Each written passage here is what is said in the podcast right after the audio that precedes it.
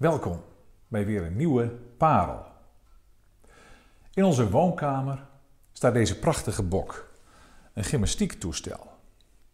Eigenlijk is hij niet van ons, maar is van Wouter, onze schoonzoon.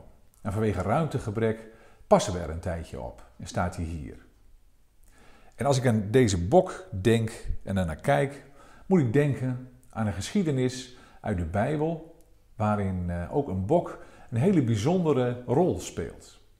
En dan denk ik aan de geschiedenis van Grote Verzoendag. Yom Kippur, de dag van de vergevingen. De dag waarop de hoge priester naar binnen ging in de tabernakel om voor het volk Israël verzoening te doen voor hun zonden. En deze geschiedenis spreekt ook voor ons, ook in deze tijd. En we mogen ook stilstaan bij uh, de lessen die we mogen leren over die ene bok. Een hele bijzondere bok waar ik eh, in deze parel op eh, wil inzoomen en het met jullie over wil hebben. We lezen daarvan in Leviticus 16. Daar lezen we wat er moest gebeuren tijdens de grote verzoendag. Aaron, de hoge priester, die moest eh, een aantal dingen doen. Hij kwam dan met twee bokken.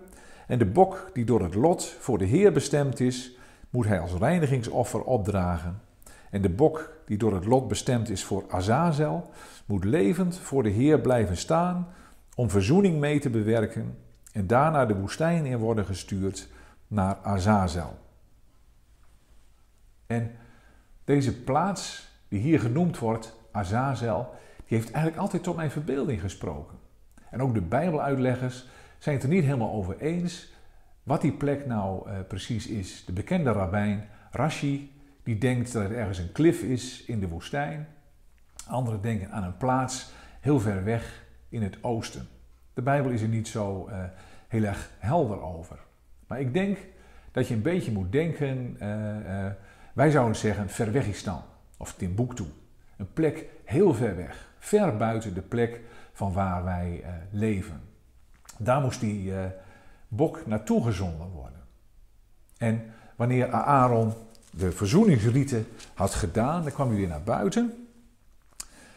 En dan legt hij zijn beide handen op de kop van de bok en spreekt alle wandalen en vergrijpen van de Israëlieten openlijk uit, alle zonden die ze hebben begaan. Zo legt hij alle zonden op de kop van de bok.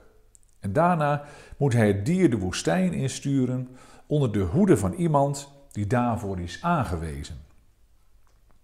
De bok neemt alle zonden van het volk met zich mee naar een verlaten gebied. In het verhaal van Grote Verzoendag spelen die twee bokken een hele belangrijke en bijzondere rol. De ene bok die eh, wordt geslacht en wordt geofferd, het bloed vloeit, en de andere bok die wordt weggezonden de woestijn in naar die bijzondere plek Azazel, of zoals het hier staat, naar een verlaten gebied. En deze geschiedenis is vandaag ook voor ons van belang. Want we mogen weten dat de Heer Jezus het offer is voor onze zonden. Hij is gestorven, hij is als het ware het lam dat geslacht is. Maar hij is ook degene die onze zonde in zijn lichaam gedragen heeft op het hout, op het kruis. Ver weggedragen heeft naar die eenzame en naar het verlaten gebied. En in deze beide beelden, deze beide bokken, vinden we als het ware het beeld van de Heer Jezus uh, weer terug. En mag ook voor ons spreken. We mogen eraan denken, als we uh, denken aan de Heer Jezus, dat Hij degene is die onze, al onze zonden gedragen heeft. Maar ook dat onze zonden weg zijn. Dat onze zonden zijn op een plek waar ze niet meer herdacht worden. Zoals er staat, zover het oosten is van het westen, zover doet God onze overtredingen van ons. Hij heeft onze zonden geworpen in de diepte van de zee. God gedenkt niet meer aan onze zonden, omdat er een volmaakt offer geweest is, het offer van de Heer Jezus. En telkens als ik deze bok zie, dan moet ik toch denken aan die ene bok die weggezonden werd in de woestijn. Die in leven bleef, weggedragen door iemand die daarvoor is aangewezen. De Bijbel is heel nauwkeurig en heel precies. Ook in deze woorden wordt als het ware omschreven dat God iemand op het oog had die eh, de zonde wegdroeg. Door je ooghaartjes heen zie je ook hierin de contouren van de Heer Jezus. In de prachtige beelden van het Oude Testament. Misschien zul je zeggen, geldt dat ook voor mij? Geldt dat ook voor nu? Deze geschiedenis, wat heb ik er nu aan? Deze geschiedenissen helpen ons om steeds meer te leren kennen van wie de Heer Jezus is en wat Hij voor ons gedaan heeft. Wat Gods plan is met ons als mensen. We mogen weten dat onze zonden verzoend zijn en vergeven zijn. Dat ze gedragen zijn door de Heer Jezus op die eenzame en verlaten plaats. En ik hoop dat je geïnspireerd mag worden door het verhaal, door dit verhaal van Grote Verzoendag. Het verhaal van die ene bok die weggezonden werd.